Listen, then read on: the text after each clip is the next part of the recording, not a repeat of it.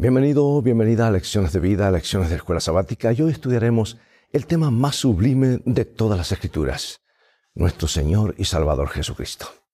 La centralidad de Jesús en toda la Biblia es de suma importancia para nuestra comprensión de las Escrituras. Y, en este sentido, el Salterio, los Salmos, no es una excepción. Entre sus diversos cánticos de alabanza, perdón, justicia y retribución, Jesús es retratado como pastor, Mesías sufriente, Hijo de David, Rey eterno y sacerdote celestial. Y estas representaciones nos ayudan a comprender mejor su posición preeminente en el plan de redención y su amor por cada uno de nosotros. Y el libro de los Salmos nos da una perspectiva más amplia del ministerio de Jesús en el cielo y su segunda venida. Esta semana consideraremos del Salterio algunas de estas perspectivas sobre Jesús y su obra, así que toma tu Biblia y mantente en sintonía, busquemos en Salmo 118.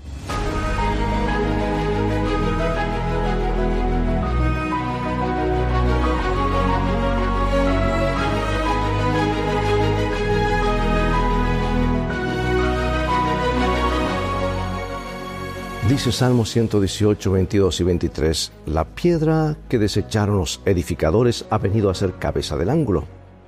De parte de Jehová es esto, y es cosa maravillosa a nuestros ojos. Los salmos dan testimonio de la persona y el misterio de Cristo. Casi todos los aspectos de su obra en el plan de salvación se ven en los salmos, y de diversas maneras la vida y la obra de Cristo están prefiguradas y predichas en ellos y a menudo con notable exactitud. Y fue escrito muchos siglos antes. Los temas revelados en los salmos incluyen la deidad de Cristo, su filiación divina, su obediencia, su celo por el templo de Dios, su identidad como buen pastor, la traición, su sufrimiento, sus huesos que no fueron quebrados, su muerte, resurrección, ascensión, sacerdocio y realeza. Es que la Biblia, amados, es la historia de nuestro Señor Jesús cómo Él hace para salvarnos. Todo está allí. Como se predijo muchos siglos antes de que Jesús viniera en carne y hueso. Así que no es de extrañar, por ejemplo, que al hablar de su ministerio Jesús citara salmos al hablar a los discípulos en camino a Maús. Quería que encontraran en los salmos la prueba de quién era Él. Y algunos de los salmos que tienen su cumplimiento tipológico en Cristo son los salmos 24, el 45, el 72 y el 101 que es el rey y juez ideal. También está el 88 y 102, que habla de las oraciones del siervo sufriente de Dios. En todos los salmos, mediante lamentos, acciones de gracias, alabanzas y el clamor en busca de justicia y de liberación de los salmistas, podemos oír los ecos de la oración de Cristo por la salvación del mundo. Se presenta a Cristo como el pastor divino y abnegado, Veamos estos textos y la relación entre el Señor y su pueblo. Un salmo muy conocido, 23.1, Jehová es mi pastor, nada me faltará. La imagen del Señor como pastor y del pueblo de Dios como ovejas de su prado pone de relieve la guía y el cuidado sustentador de Dios para con su pueblo, así como su dependencia de Dios para satisfacer todas sus necesidades es que esta imagen transmite la noción de cercanía entre Dios y su pueblo. Porque los pastores vivían con sus rebaños y cuidaban de cada oveja individualmente y a veces dormían en los establos, en los corrales. La imagen pastoral subraya también la propiedad de Dios sobre su rebaño, garantizada por dos fuertes vínculos, la creación y el pacto.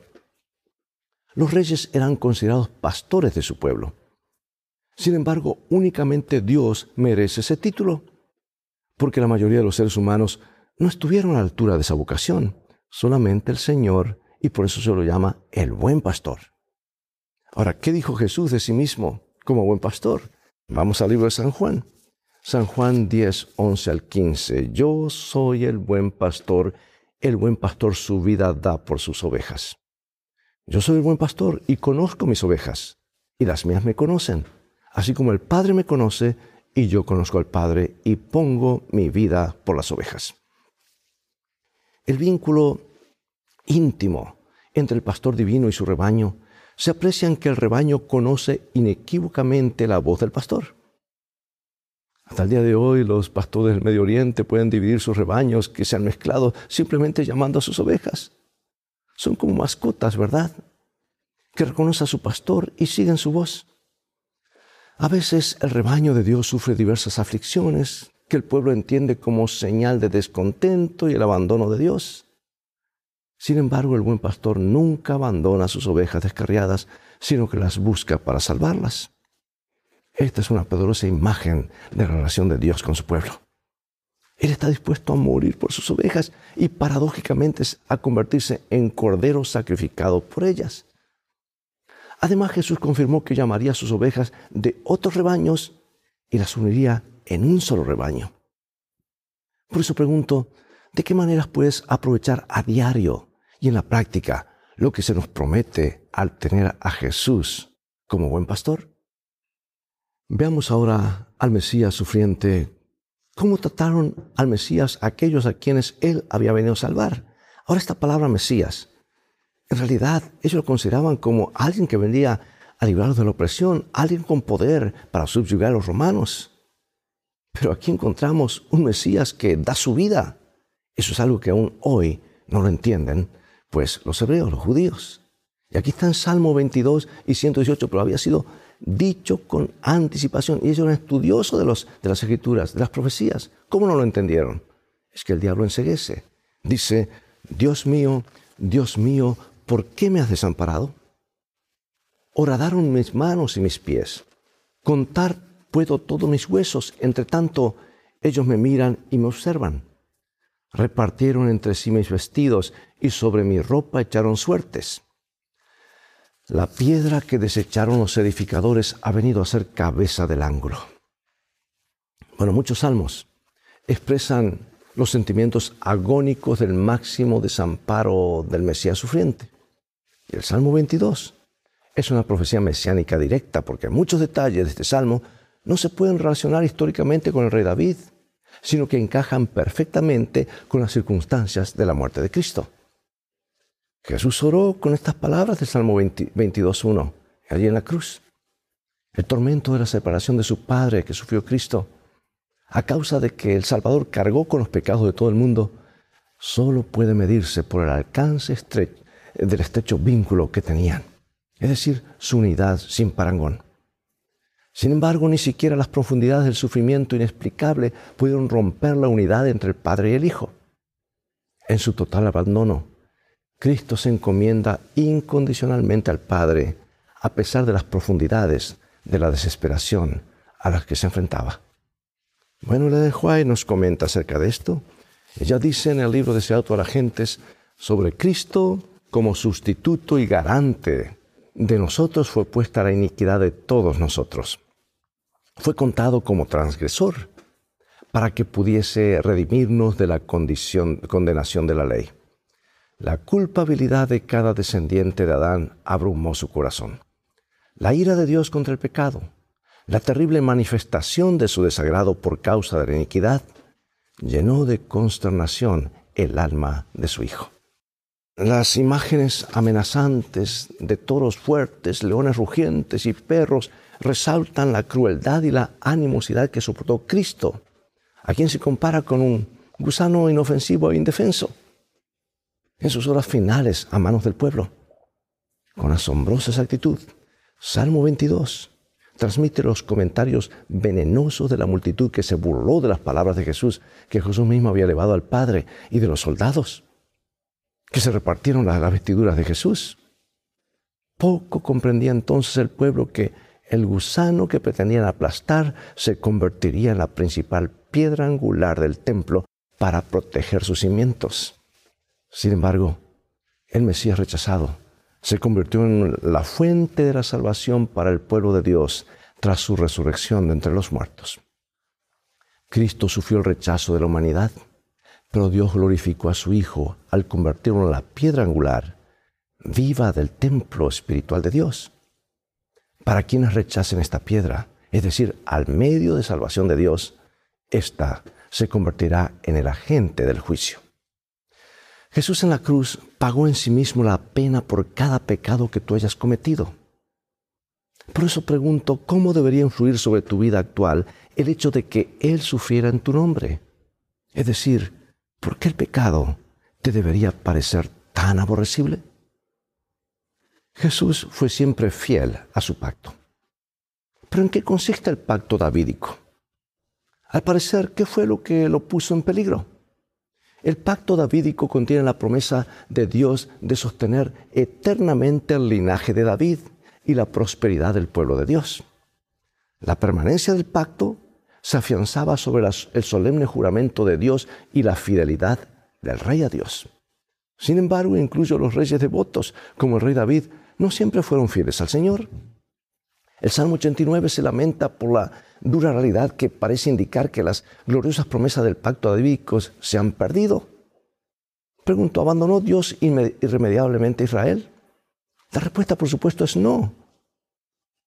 Sí, la ira de Dios es una expresión del juicio divino. No obstante, no dura para siempre, porque el amor eterno de Dios perdona los pecados de las personas cuando éstas se arrepienten. Y ahí está la palabra, arrepentimiento, confesión para obtener el perdón. No obstante, mientras dura, el descontento de Dios con su pueblo descargado es grave. El pueblo siente las amarguras eh, de sus actos, las amargas consecuencias de su desobediencia y se da cuenta de la gravedad de sus pecados. Y con todo preguntan, ¿hasta cuándo? Apelando al carácter pasajero de la ira de Dios. La esperanza renovada surge de una nueva seguridad en la fidelidad de Dios para recordar su gracia. En resumen, aunque el componente humano del pacto fracasara, el pueblo podría descansar en la promesa de los propósitos inmutables de Dios mediante el Mesías, que encarna toda la justicia y la salvación de Israel y del mundo entero. Es decir, al final, Dios prevalecerá y su reino eterno se establecerá para siempre. Pero únicamente gracias a Jesús y no al pueblo de Dios. Consideremos, amados, ahora a Cristo como Rey eterno de poder incomparable. Y para eso vamos al Salmo 110, 1 al 3. Jehová dijo a mi Señor, siéntate a mi diestra, hasta que ponga tus enemigos por estrado de tus pies. Jehová enviará desde Sión la vara de tu poder, domina en medio de tus enemigos. Cristo tendrá la victoria absoluta sobre sus enemigos. Hacer de los enemigos un estrado es una imagen que refleja una costumbre de los reyes del cercano, oriente de colocar sus pies sobre el cuello de sus enemigos derrotados para demostrar el dominio total sobre ellos. Sin embargo, la vara de Cristo no es aquí una herramienta de terror. La vara o el bastón, el callado, la llevan, llevaban originalmente los líderes tribales como símbolo de la tribu. La vara de Cristo procede de Sión porque Él representa el pueblo de Sión. Su vara es un símbolo del juicio divino que pone fin al dominio del mal y representa el reinado sin rival de Cristo. Incluso los reyes impíos tienen la oportunidad de arrepentirse y someterse al Mesías. Una representación gráfica de la victoria final de Cristo, pues se encuentra en la escena previa al advenimiento de Daniel capítulo 7, que muestra que después que se da el juicio en favor de los santos del Altísimo, se establece su reino cuyo reino es reino eterno. Amados, gracias a la cruz, la promesa del reino está asegurada.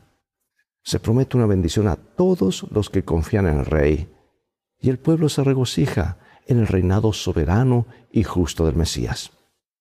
Qué agradable saber que sí, al final el bien triunfará sobre el mal, se hará justicia, y el dolor y el sufrimiento serán vencidos para siempre. ¿De qué manera debería consolarnos esta verdad ahora que desde una perspectiva humana el mal parece prosperar? Sabemos cómo determinar las cosas. Por eso el don de profecía es clave para indicarnos lo que se acerca y cómo determinar las cosas. Veamos ahora al Mesías como eh, el sacerdote eterno según el orden de Melquisedec. ¿Y en qué sentido es único el sacerdocio de Cristo?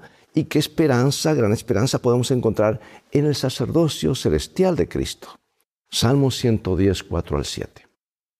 Juró Jehová y no se arrepentirá. Tú eres sacerdote para siempre según el orden de Melquisedec. El Señor está a tu diestra, quebrantará a los reyes en el día de su ira, juzgará entre las naciones.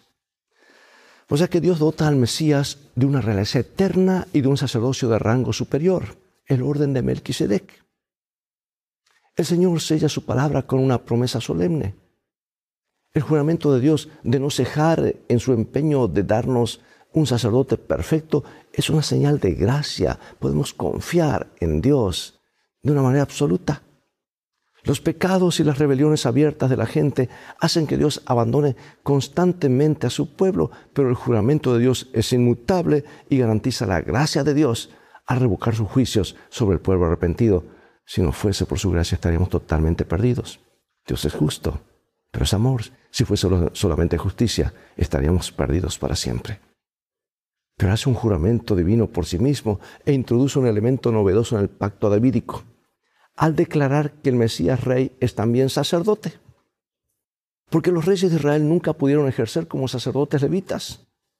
Pero cuando la, escritura menciona a reyes o pueblos que ofrecen sacrificios, implica que ellos llevan o llevaban los sacrificios a los sacerdotes, quienes realmente los ofrecían.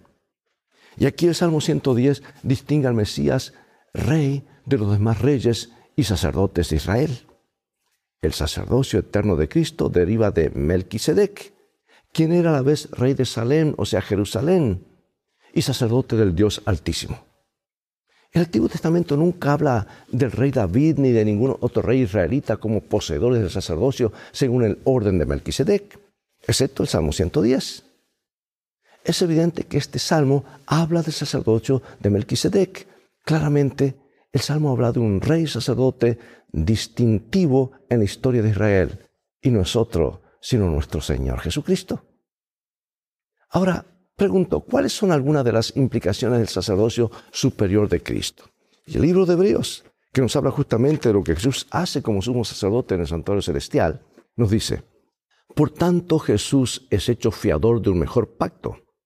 Y los otros sacerdotes llegaron a ser muchos, debido a que por la muerte no podían continuar mas éste, por cuanto permanece para siempre, tiene un sacerdocio inmutable, por lo cual puede también salvar perpetuamente a los que por él se acercan a Dios, viviendo siempre para interceder por ellos. Porque tal sumo sacerdote nos convenía, santo, inocente, sin mancha, apartado de los pecadores, y hecho más sublime que los cielos, que no tiene necesidad cada día, como aquellos sumos sacerdotes, de ofrecer primeros sacrificios por sus propios pecados, y luego por los del pueblo, porque esto lo hizo una vez para siempre ofreciéndose a sí mismo. Porque la ley constituye sumos sacerdotes a débiles hombres, pero la palabra del juramento posterior a la ley, al Hijo, hecho perfecto para siempre. Allí está. Al ser a la vez Rey divino y sacerdote eterno, Cristo tiene una superioridad sin precedentes sobre los sacerdotes y reyes humanos. Por lo tanto, amigo y amiga, hermano hermano, podemos tener esperanza. Cristo sostiene un pacto superior que se basa en el juramento de Dios y no en las promesas humanas. Nosotros fallamos, Él no falla. Y Él ejerce su ministerio en el santuario celestial. Su sacerdocio no se ve afectado por el pecado ni por la muerte, como el de los sacerdotes humanos. Y por eso es que puede interceder por su pueblo y salvarlo para siempre. La obra reconciliadora de Cristo como sacerdote perfecto y compasivo le da a su pueblo la seguridad duradera de permanecer ante la misma presencia de Dios. El sacerdocio real de Cristo abolirá el dominio del mal, no solamente en el corazón de las personas, sino también en el mundo. Cumplirá la promesa del Salmo 2 de que toda nación y todo gobernante estarán sujetos al juicio real de Cristo Jesús. El maravilloso sacerdocio real de Jesús reclama nuestra obediencia y confianza absolutas. Al ser a la vez oraciones de Cristo y oraciones acerca de Cristo, los salmos ofrecen una revelación única de la persona y el ministerio redentor de Cristo como aquel que es Dios con nosotros. Jesús, amados, es Dios con nosotros. En las angustiantes oraciones de abandono y sufrimiento. Es Dios con nosotros en el clamor por justicia y liberación. Jesús es Dios con nosotros al no abandonarnos a nuestra perdición y desesperación, sino que nos muestra el camino victorioso de la fe.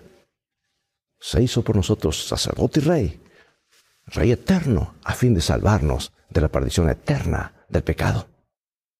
En Cristo, el perfecto rey davídico, se cumplen todas las solemnes promesas de la salvación de Dios. Comenta mi autora favorita, el deseado de la gente, página 16. Por medio de su humanidad, Cristo tocó a la humanidad. Por medio de su divinidad, se aferró al trono de Dios.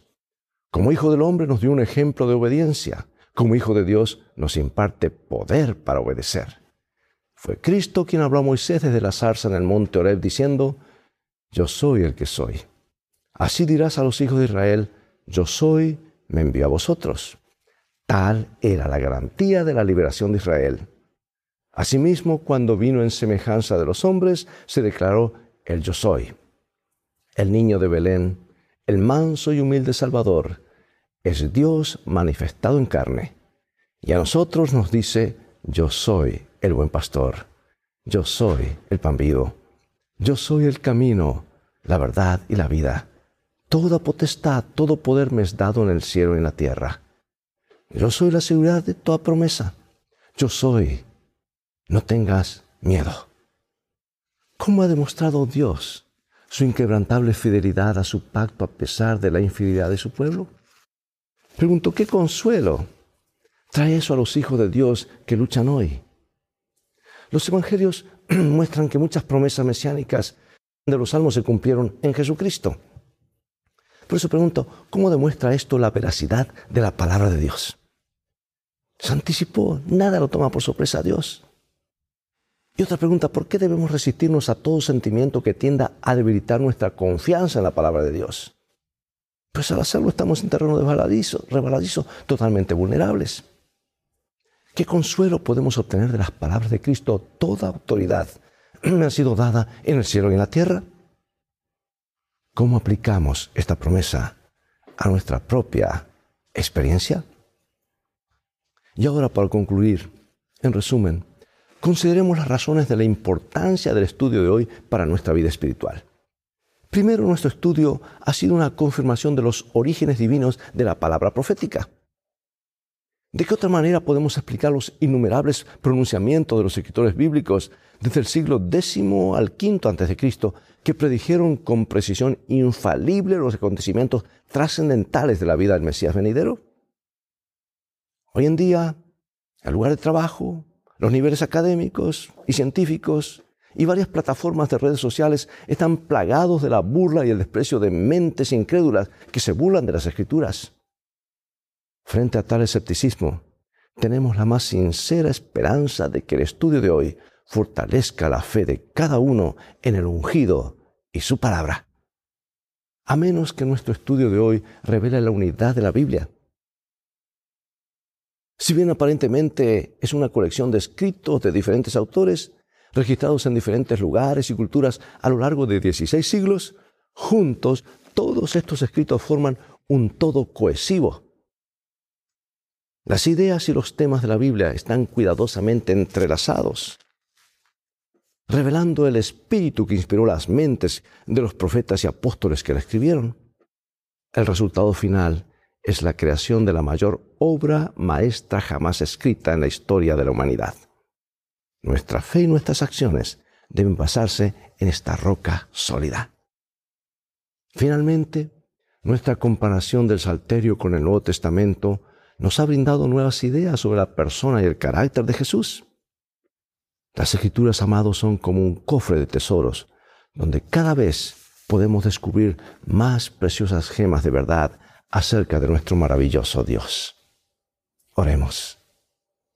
Oh Padre, gracias por la revelación que nos has dado a través de la palabra viviente, Cristo Jesús, y a través de la palabra escrita. Fue profetizado hace siglos. En el Nuevo Testamento vemos el cumplimiento. Y hoy vemos que Él sigue obrando como ha prometido, como sumo sacerdote, intercediendo por nosotros. Queremos ejercer fe en Él, en su ministerio. Sin Él estaríamos perdidos. Por eso perdona nuestra incredulidad. Perdona sobre todo la falta de interés que a veces ponemos en la lectura de este libro, que es vida para nuestras vidas. Que esta semana sea diferente. Queremos perseverar en escuchar tu voz para vivir, no solamente aquí más felices, sino vivir por la eternidad cuando Jesús venga. Gracias por escucharnos, lo rogamos en el nombre de Jesús. Amén. Bien, amados, llegó el momento de despedirnos y hasta el próximo programa de la serie Lecciones de Vida. Invita a otros a sintonizar este canal y transfórmate así tú mismo en un canal de bendiciones. Mientras tanto, Dios te bendiga y te guarde y recuerda, tú vales mucho para Jesús. Él te ama más de lo que puedes imaginar. Y vamos en un viaje, el viaje de la vida. Las cosas van a terminar bien si hacemos los principios de la Biblia nuestro GPS y a Jesús como nuestro guía. Maranata.